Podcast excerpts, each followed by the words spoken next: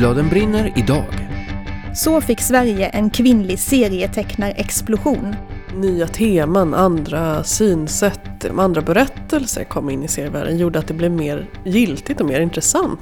Bakom varje lyckad bok står en okänd slitvarg. Vad vill författaren med den här texten? Ställa rätt frågor och jobba fram texten tillsammans med författaren så att den blir som författaren har tänkt sig. Och så pratar vi om kvalitet i barnböcker. Vad är det egentligen? Välkomna till Bladen brinner.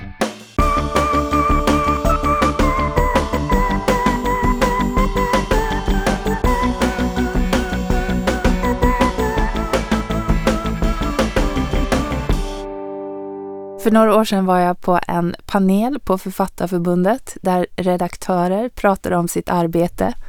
Och då var det en redaktör som har det här bevingade citatet som du och jag använt jättemycket. Att mitt i natten, sa han, är en vanlig arbetssyssla för redaktörer att få ett mess från en författare. Säg ärligt, suger boken.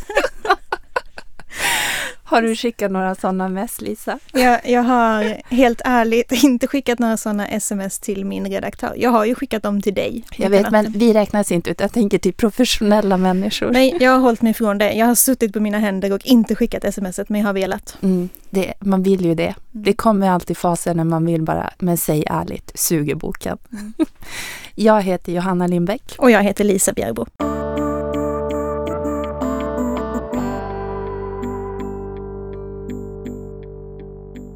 Nu ska det handla om något väldigt coolt, nämligen Liv Strömquist, Sara Graner, Nanna Johansson, Hanna Gustavsson, Ellen Ekman, Loka Kannarp. Det där är några svenska kvinnliga serietecknare och jag skulle kunna räkna upp många fler, för just kvinnliga serietecknare är lite av en svensk specialitet sedan ungefär tio år tillbaka. Vi har ovanligt många och de har blivit ovanligt framgångsrika. Jag träffade Josefin Svenske som är förläggare och ansvarig för Aben Sjögrens barnserieutgivning för att prata om den här framgången och vad den beror på. Mycket börjar på Serieskolan i Malmö. Och serieskolan är en del av Kvarnby folkhögskola som ligger i Malmö och det är en utbildning där man kan eh, lära sig teckna serier och hitta sitt eget serieskapande. Och det är en vuxenutbildning så det är för vuxna med ett riksintag. Och det har varit elever från USA och Tyskland och Danmark och Norge överallt som går den. Skolan har funnits sedan 99 så nu har den ju blivit ganska gammal. Och många som jobbar med serier idag har ju gått den eller på något vis är anknuten till den. Till exempel har Josefin Svenske gått den och även varit lärare fram tills häromåret. En sak som hände på serieskolan är att dotterbolaget bildades år 2004-2005 av några elever. Det är ett seriekollektiv för kvinnor och transpersoner och man bestämde sig för att börja jobba tillsammans. De fixade utställningar, hjälptes åt att skaffa uppdrag, stöttade varann och gjorde roliga grejer. Det här låter ju nog bra bara det, men det bästa är att de verkligen lyckades med det här och nå ut. Jag tror att det som hände då var att vi gjorde serier för varandra och för oss själva och att det blev, alltså det var många kvinnliga serietecknare och eh, så som gjorde serier för sina kompisar och då helt plötsligt blev det jättemånga kvinnliga läsare eh, till eh, nutida serier och liksom de som hade hållit på på 90-talet eh, så gjorde serier till sig själva och sina kompisar men var i högre grad killar liksom. Eh, så, så det tror jag påverkade att... Eh, och det blir ju också ekonomiskt om man gör så här. Om man gör serier för... Om vi tar Galago som exempel. Eh, där det var många killar som gjorde serier till andra killar. Och sen började man ta in eh, kvinnliga serieskapare som gjorde serier liksom, som de tyckte var kul, som då gjorde att läsekretsen för den tidningen blev mycket större, så finns det ju också ett ekonomiskt värde i att låta fler än bara killar komma till tals när det gäller eh, självbiografiska serier om vad man äter till frukost. Alltså det, mm. eh, innehållet i sig kanske inte ändrades, men vad innehållet speglade, eller liksom, vad ska man säga, eh, vinkeln i det man berättade, att så här, nya teman, andra synsätt, liksom, andra berättelser kom in i serievärlden gjorde att det blev mer giltigt och mer intressant. Liksom. Vad kan det vara för typer av andra teman och andra berättelser som kom in då? Eh, ja men det är ju allt möjligt. såklart. Alltså upplevelser av att vara människa i dagens samhälle. Men de senaste åren så har det ju kommit serier om, om kvinnokroppen, om mens, om abort.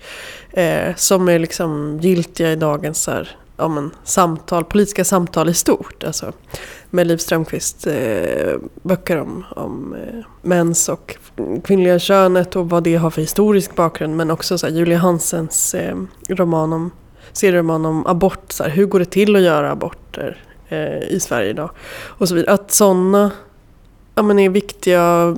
De är en jättebra serie men de är också viktiga ur ett större kulturellt perspektiv. Alltså all, det är läsbart av läsvärt av alla anledningar. Mm. Nu råkar de vara tecknade serier men de är liksom relevanta ändå. Det, mm. det har kommit väldigt mycket spännande, viktiga kulturuttryck eller väldigt viktiga liksom, historier som råkar vara serier men som har liksom, fäste i världsalltet på något vis. Hur kändes det då? Du var med i dotterbolaget. Mm. Eh, och i efterhand så kan man ju säga det här hände då och då och vi fick den och den effekten. Alltså att eh, man kan analysera vad som hände i ert skeende. Men när ni satte igång, när det liksom bara började bära, hur var det? Fattar ni att ja, men nu händer någonting stort eller är det sådär att man är förblindad av nuet och inte upptäcker det riktigt förrän fem år senare? Alltså jag var inte med och startade utan jag kom så här något år efteråt och tyckte att de som hade startat dotterbolaget var kanske världens coolaste personer.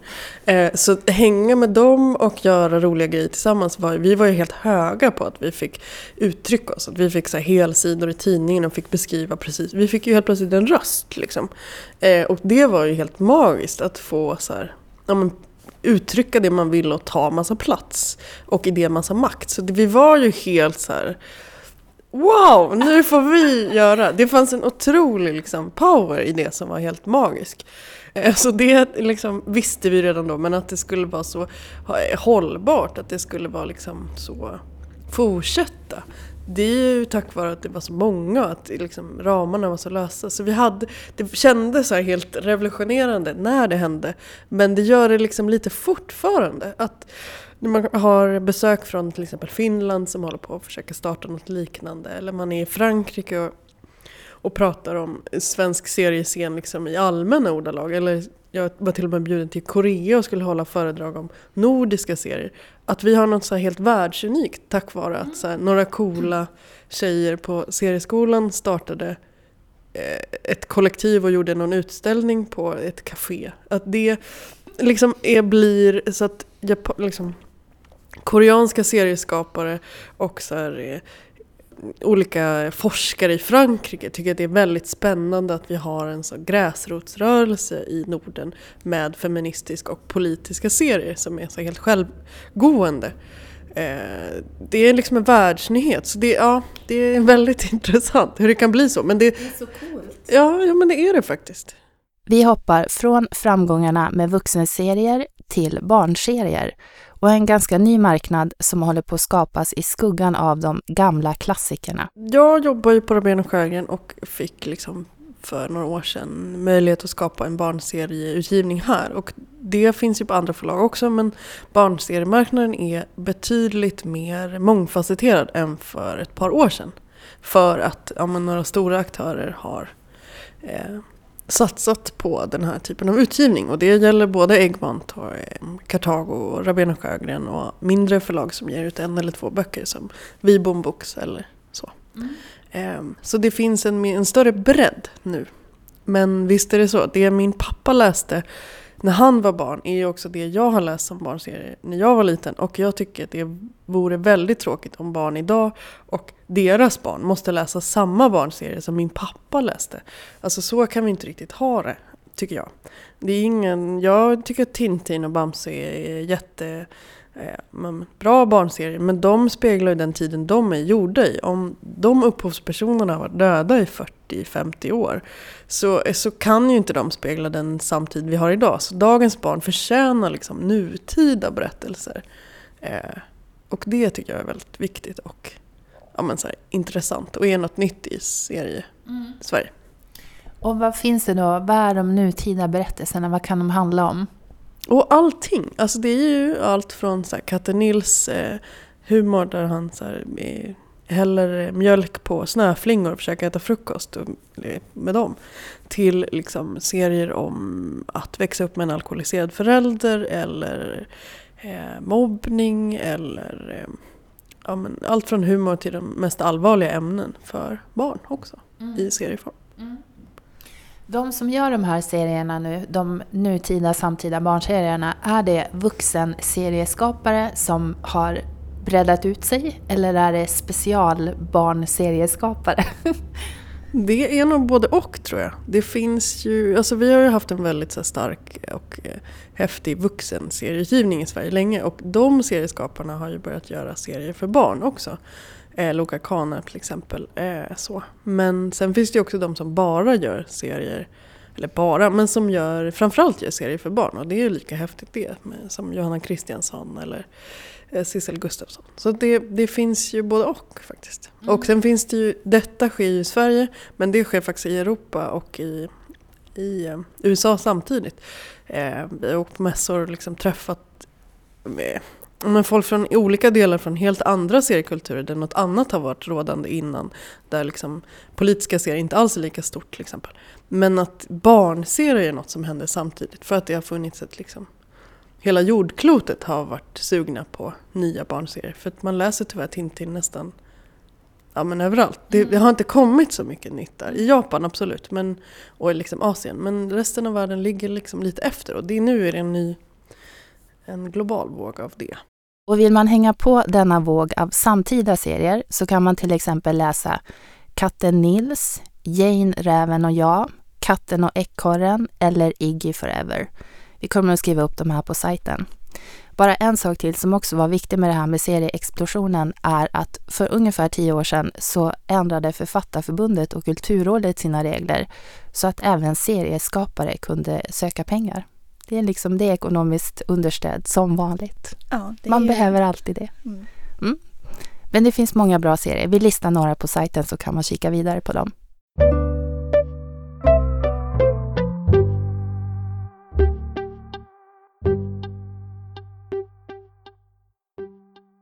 Okej, nu ska vi prata om kvalitet och ordet bra och vad det betyder när det gäller böcker.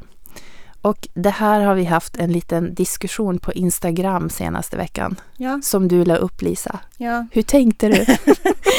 Nej, men jag tänkte väl helt enkelt att det här är någonting som jag har gått omkring och eh, funderat på jättemycket under hösten. Eh, och att jag ville tänka vidare.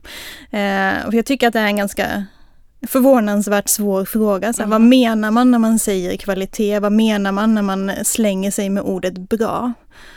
Eh, vad, liksom, ja, vad betyder det? Mm. Vad, om vi börjar med dig, vad, vad menar du när du säger att en, en bok är bra? Då menar jag det här kommer att bli flummigt för det blir alltid det när man försöker sätta fingret på det. Men på något vis att jag glömmer bort att jag läser och liksom glömmer bort hantverket och istället blir träffad på något vis. Och då kan det vara att jag blir väldigt berörd eller känner igen mig eller bara känner hur min hjärna växer och börjar tänka nya tankar och hamna på ett nytt ställe. Mm. Det behöver inte vara alla de här grejerna men det kan vara någon av dem.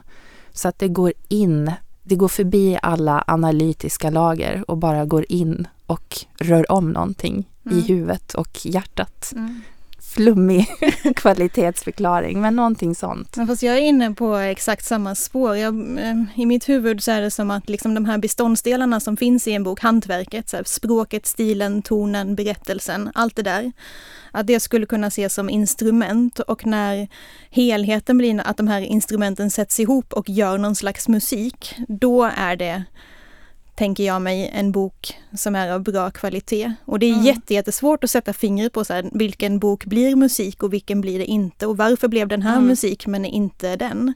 Speciellt att försöka göra en lista på det här är bra kvalitet, det går inte för det är så olika. Mm. Ja. Verkligen. Och jag tänker också, jag har ganska höga krav på ja men liksom vem, eh, ja det är verkligen inte alla böcker som jag tycker har bra kvalitet. Och jag har också ganska höga krav på den som får säga vad som är bra kvalitet. Jag tycker mm. till exempel att jag själv inte kan tillräckligt mycket för att till exempel uttala mig om kvalitet i exempelvis bilderböcker för att jag inte är tillräckligt påläst när det gäller bild. Mm. Så då har jag eh, jättesvårt för att säga den här bilderboken är bra och den här bilderboken är mindre bra. För att jag tycker att jag inte har på fötterna nog att säga det. Det, jag håller med om det. Alltså det blir mest vilken fin bild och det känns så, vilket otillräckligt omdöme. Ja, verkligen. Det säger ingenting. Och att liksom känslan är, tycker jag, att i ordet bra så förväntar jag mig att det ska ligga kvalitetsaspekter. Um, sen kan jag ju säga hur mycket som helst om böcker som jag gillar eller böcker som jag har haft en härlig läsupplevelse med, även när det gäller bilderböcker såklart. Men um, ja, att, att ordet bra för mig betyder någonting mer än att det bara var härligt för mig när jag läste den. Mm. Och en grej som man kan reta sig på, i alla fall om man är vi, är att det känns lite grann som att det är olika syn på barn och ungdomsböcker och på vuxenböcker. Och på vuxenböcker så kan man prata mer om en konstupplevelse eh, och diskutera det och det är liksom allmänt vedertaget. Men när det gäller barn och ungdomslitteratur så är det en helt annan värdeskala och det där irriterar jag mig enormt på. Att mm. det liksom, det är inte en konstupplevelse utan en, en, barnbok kan vara bra på ett helt annat sätt som jag inte håller med om. Ja, det är någonting annat. Jag, jag går en eh, bilderbokskurs i Göteborg på universitetet där nu denna hösten har jag gjort det. Och då är det Ulla Redin som håller i den och hon är ju någon slags här verkligen en kunskapsbank när det gäller bilderböcker. Hon har hållit på att forska och liksom analyserat och varit kritiker i jättemånga år. Eh, och då, första lektionen där så gjorde hon en övning med oss eh, och den var, har hon gjort jättemånga gånger och då var det att vi fick sätta oss i grupper. Och sen skulle vi snabbt spontant svara på frågan så här, vad finns det för poänger med att läsa? Och då skulle vi först eh, tänka på vuxna, så här, vad finns det för poäng för en vuxen att läsa en bok? Och då listade vi så direkt så här, ja men det är underhållande, man får resa i tid och rum, man glömmer sin vardag och så vidare. Mm. Det kan vara en konstupplevelse som sätter själen i svaj typ. Och sen så i nästa steg skulle vi lista så här, vad, vad finns det för poänger för ett barn att läsa? Och trots att vi då liksom var personer som sysslar med läsning och eh, förmedling av böcker så började vi direkt lista en massa andra anledningar då. Till exempel så här, men det är språkutvecklande, barnen lär sig någonting om livet, eh, de får ett större ordförråd, de får bättre empati och så vidare. Att man liksom har helt olika värdeskalor. Så här, det här gör en, en barnbok bra och det här gör en vuxenbok bra. Mm. Och jag tycker att det är sjukt irriterande att det ska vara så. Men det är kanske inte så konstigt eftersom det har varit så i flera hundra år. Det har det, men nu är vi i 2017 så nu kan vi släppa det detta. Ja. Nej men det, det är ju precis det jag far efter, att det blir människor i en barnbok eller karaktärer i en barnbok, de ska vara goda, de ska föregå med gott exempel. Eller det ska vara ett viktigt ämne, till exempel psykisk ohälsa. Man ska lära sig någonting. Och det är väl jättebra att man gör det, men det gör väl inte att det är en bra bok för guds skull. Det kan vara en jättedålig bok som handlar om psykisk ohälsa och det är fortfarande ett viktigt ämne. Ja. Det betyder inte att det blir bra litteratur. Nej. Men jag tänker också att det som blir ett problem av att man har de här två olika synerna, det är att man är ganska ovan vid att ha en kvalitetsdiskussion om barnböcker på det här sättet som man har om vuxenböcker. Mm. Att man liksom analysera dem på djupet som ett konstverk till exempel. Det händer inte så ofta, så när det väl händer, eh, då blir det ganska ovant eh, och kanske provocerande. Så här, vem, vem är till exempel du och jag och står här och säger att en bok är bra? Varför frågar vi inte till exempel barnen om en barnbok är bra? Mm. Eh, och att också om de här analyserna drar fram kritiska grejer i ljuset och kanske säger så här, ja men kejsaren är naken, den här boken är faktiskt inte så bra fastän den innehåller psykisk ohälsa eller vad det nu kan vara. Då blir ju det, då är man så ovan vid det tänker jag så att det blir sjukt provocerande och jättekonstigt. Och jag tänker att det är inte så bra att vi är ovana vid det. Jag skulle jättegärna se mycket mer kritiska analyser som, som gjorde oss vanare vid att sätta fingret på vad som är kvalitet även när det gäller barnlitteratur.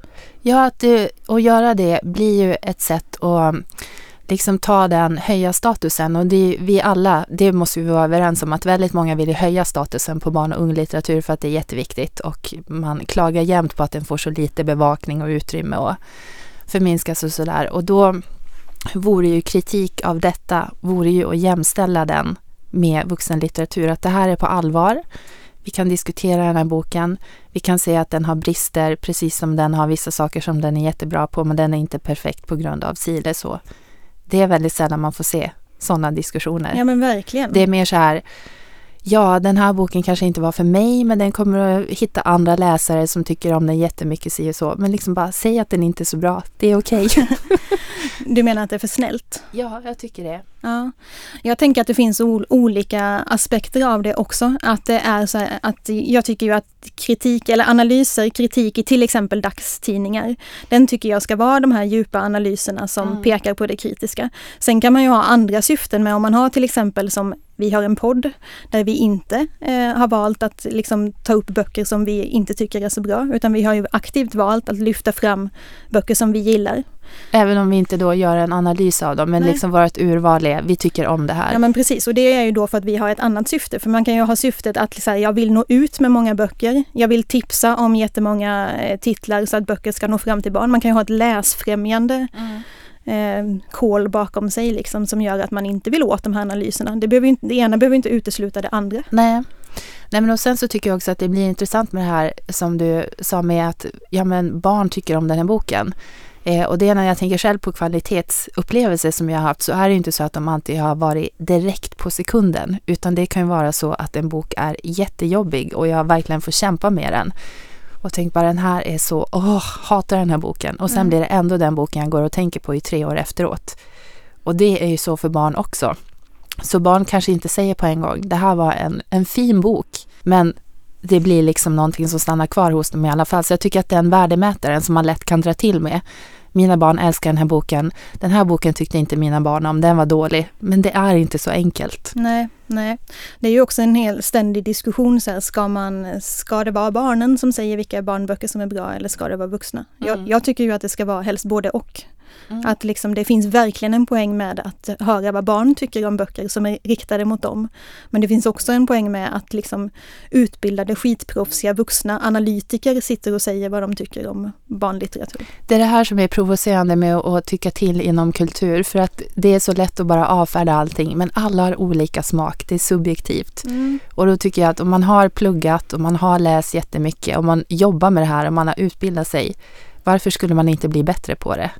Mm, att, det, att det, du menar att kvalitet inte bara är subjektivt? Nej, det, det är inte bara objektivt. subjektivt utan det är liksom, läser man väldigt mycket, det är väl klart att man får en bättre uppfattning om hantverk och skicklighet och allt sånt. Det är, liksom, det är ganska lätt att acceptera att någon som har pluggat till sjuksköterska är bättre på vård än jag som inte alls har pluggat vård.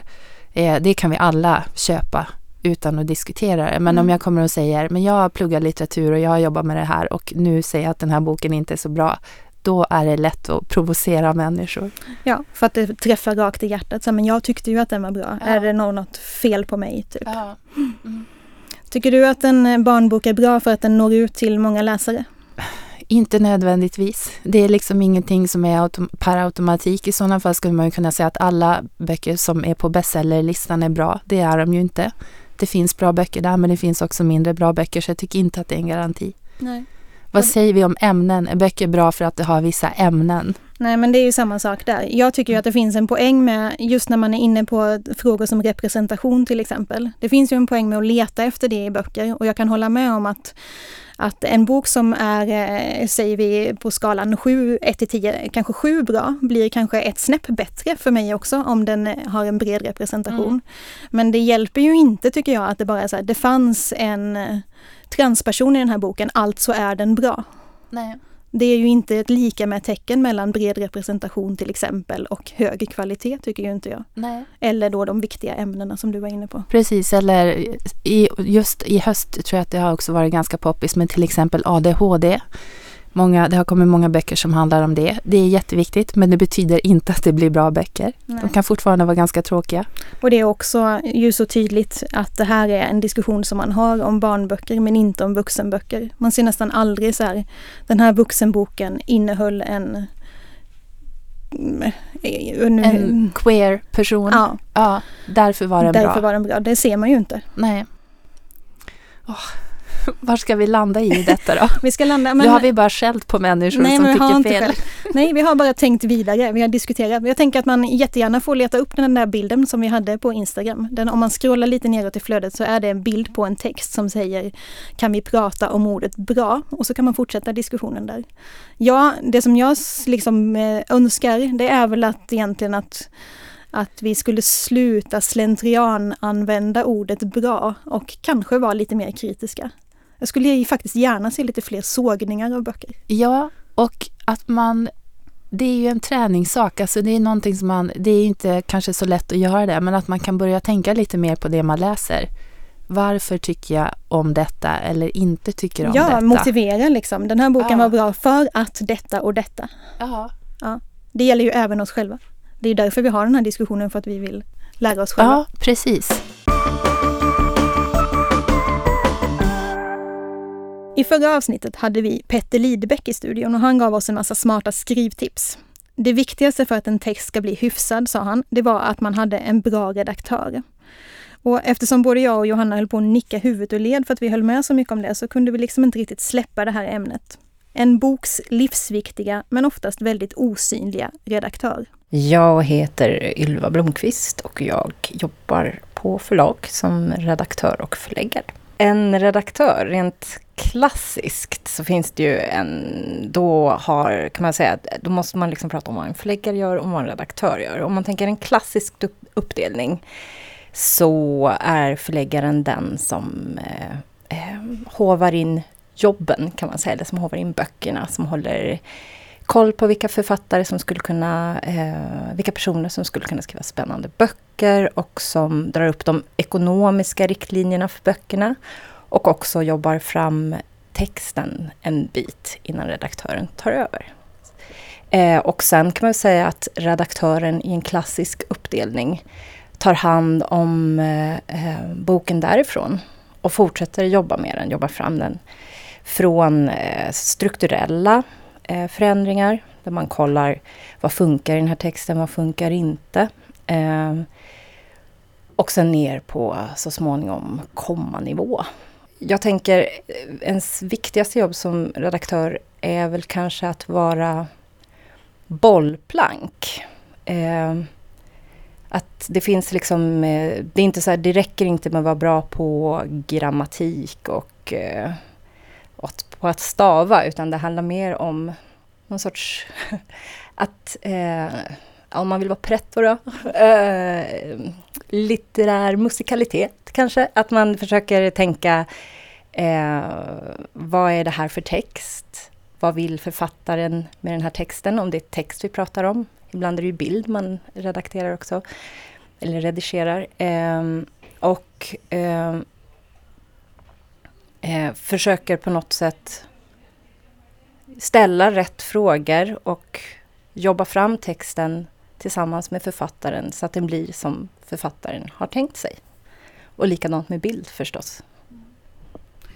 Ja, jag tänker mig att det är mycket utmejslande av någon slags ton och stil som redaktören kan få fram och lyfta. Håller du med om det? Ja, eh, absolut. Och det är väl där det är, liksom, det är det som är kul också, tänker jag. Att man kan inte göra på ett sätt. Utan egentligen hur man redigerar och hur man jobbar fram en text. Det är ju... Eh, jag tänker att man måste jobba olika från eh, författare till författare, illustratör till illustratör. Eh, och från text till text. Att det verkligen gäller så här, när det gäller, när det gäller eh, texten, att utgå från vad den är och vad den vill. Och att prata med författaren om vad den ska och var den ska hamna i, i slutet. Så att absolut, det gäller att mejsla fram både historien, så, eh, både sånt som eh, så här, man konkret kan säga att det här funkar inte. Det här är ett för långt kapitel, det är för många personer, det är eh, det, det beskrivs för långrandigt så det blir tråkigt. Det är för kortfattat så man förstår inte. Eh, det behöver skrivas till i slutet, det är en klassiker. Eh, det behöver strykas i början, en annan klassiker. Eh, till någon sorts psykologisk trovärdighet. Agerar de här karaktärerna trovärdigt? Eh, använder de ett språk som är trovärdigt utifrån eh, vilka de är? Skulle den här personen uttrycka sig så här? Är det den här personen som ska säga så här? Eller är det en helt annan person som tänker på det här sättet? Och det är ju det som är så himla kul, för det är då man hamnar i de här diskussionerna om, om karaktärerna. Vem är den här? Vem är den här? Eh, man får vara med. Det är lite som när man var liten och lekte. Man får vara med och sådär vara med i någons eh, värld. De, den här typen av liksom, eh, boksamtal där man får vara i en värld och eh, komma vidare tillsammans. När det liksom flyter på så är det ju som när man var liten. Så här, och då säger du, och då gör jag, och då, då sa den. Och att man liksom, det är ju underbart. Det är bland det roligaste man kan göra. Men nu var du inne på innan också att det är olika från författare till författare och från text till text. Hur lär man sig en ny författare som man får på sitt bord då? ja, men det brukar oftast gå ganska bra. Man börjar väl med... Alltså det, det handlar ju väldigt mycket om kommunikation och samtal. Att man eh, pratar om vad den, vad den personen vill. Vad författaren vill eller vad illustratören vill. Eh, och hur de tänker. Oftast så när man pratar om de sakerna så man ska ju verkligen vara bollplank. Det är ju inte jag som kommit på saker utan det gäller att ställa de här frågorna så att eh, illustratören eller författaren kan komma dit den vill komma av sig själv. Då blir det allra bäst. Kan du inte få lust att lägga dig i då? Så här, nu kommer jag på det här. Ja, men det händer. och ibland, alltså i vissa samtal, det beror också på. Vissa, vissa är öppna för det eh, och då kan man göra så. Och då kan det bli väldigt bra. Och andra är det inte. En del ber om det. En del tror jag ber om det för att känna, nej fy fasen vilken dålig idé. Nu gör jag så här istället. Och då kan ju det förslaget man har eh, smackat ur sig vara bra som en sorts utgångspunkt, eh, eh, utgångspunkt för att göra någonting helt annat. Som ett ful förslag för eh, författaren att här, förfina eller komma någon vart med. Bara att jag tänker att man är ju läsare, det är ens viktigaste uppgift som redaktör. Att, eh, eller egentligen både som, författ eller som förläggare och som redaktör. Eh, så är det en viktig uppgift att, att läsa, att vara en första läsare och en besvärlig läsare. Inte den här lustläsaren som man kanske är på fritiden, utan den här som verkligen felsökarläsaren. Men samtidigt den vänligt inställda felsökarläsaren som hittar fel och eh, ja, läser kritiskt för att det ska kunna bli ännu bättre. Det måste ju vara så att du tycker olika mycket om de olika texterna du jobbar med. Hur hanterar du liksom om du blir redaktör för en bok som du faktiskt inte tycker så mycket om? Eh, men det, man går alltid igång på någonting, tänker jag. Om det är någonting som man absolut inte står för eller någonting som känns helt galet, då, då tror jag att jag säger det. Och, eh, och, och då får man jobba bort det. Så tänker jag. Men eh, annars så tänker jag att eh, det är alltid någonting man går igång på i själva jobbet.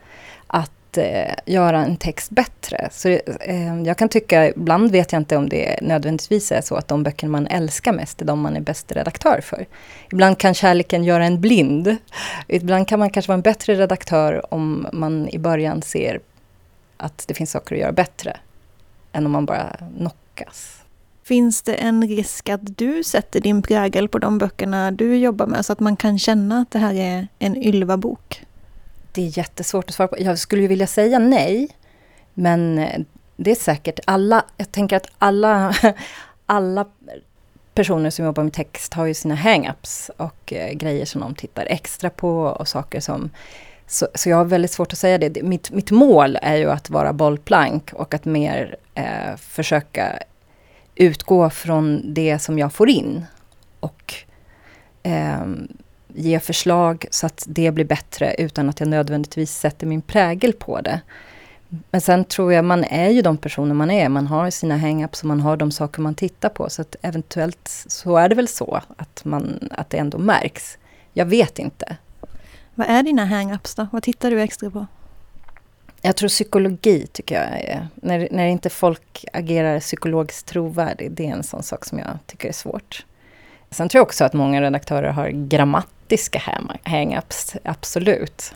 Att, det har jag också. Eh, men å andra sidan, även där så tänker jag att eh, ens uppgift som redaktör eh, när det gäller grammatik och när det gäller, det är att säga så här så här brukar man traditionellt, eh, så här brukar det traditionellt vara. Det brukar vara. Man brukar skriva kommer att att det är liksom ett ord som brukar vara i förhållande till kommer. eh, men om någon person har väldigt bra argument för att inte ha det, även om just kommer att är lite av en hang-up för mig, eh, så eh, då får man väl tugga i sig det, tänker jag. Men, det där, men man måste ändå säga att så här ska det vara, tänker jag. Det där var Ylva Blomqvist som är redaktör och förläggare på Rabén och Sjögren. Ett uttryck som hon använde som inte kom med här nu, det var att hon försöker se till så varje bok når sin fulla potential. Johanna, har någon spontan reaktion på det? Jag vill säga Ylva. Nej, jag tycker hon har helt rätt. Jag har jobbat med Ylva i några veckor och det gör hon verkligen. Alltså det gör ju alla redaktörer. Det är det de är till för. Så de liksom spetsar till en stil så att den blir väldigt bra, men inte alla de här jobbiga utvikningarna man håller på med. Mm. Så fint.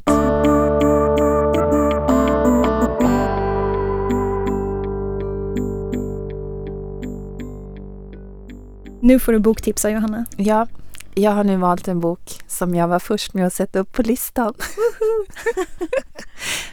Den här heter Fågelfesten. Den är skriven av Alice Lima de Faira och det är en bilderbok för ålder 3 till 6. Och den här jag läser den på en lite jobbig dag. Jag blev så himla ledsen av den här boken. Men den tar sig, alltså det, ju, det kommer att gå bra.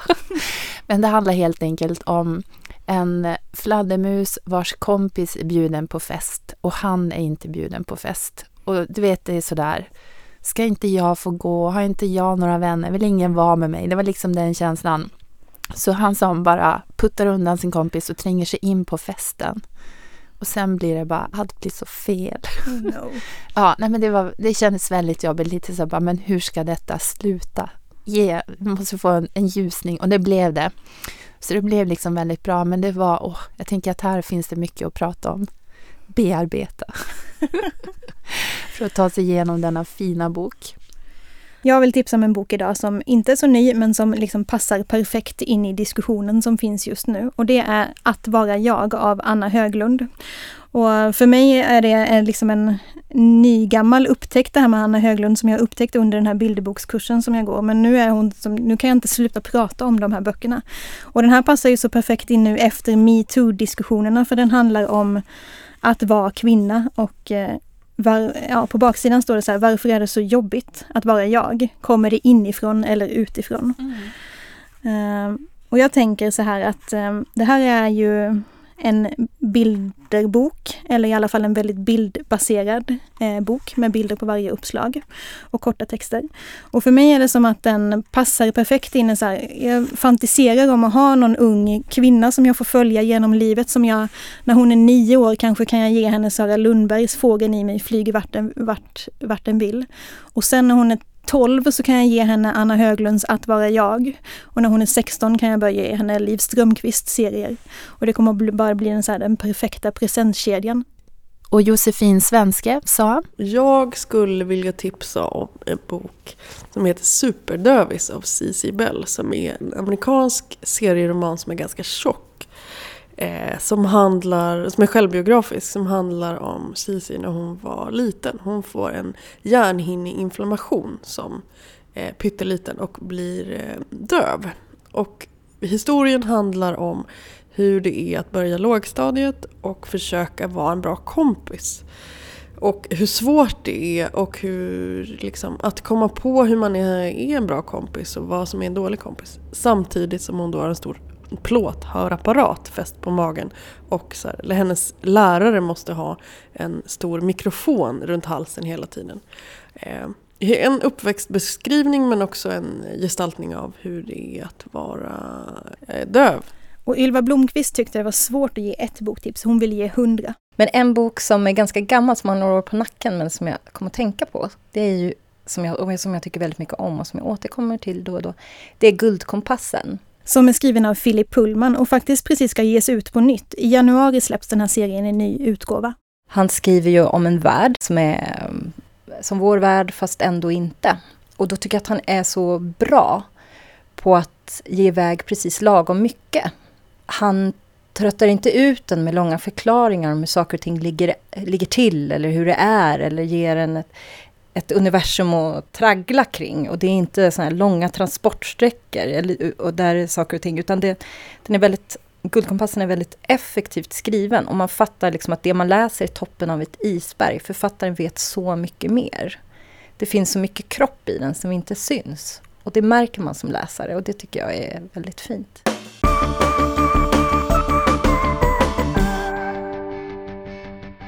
Nu tar vi jul och nyårspaus, så nästa avsnitt kommer någon gång i januari.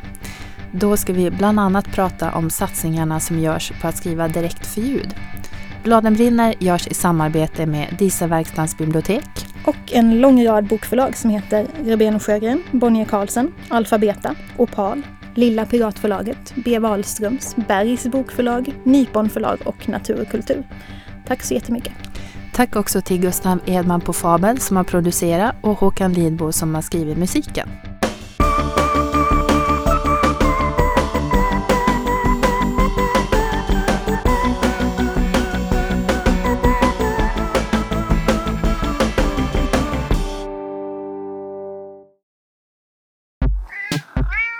Den här podden producerades av Fabel Kommunikation. Läs mer på www.fabel.se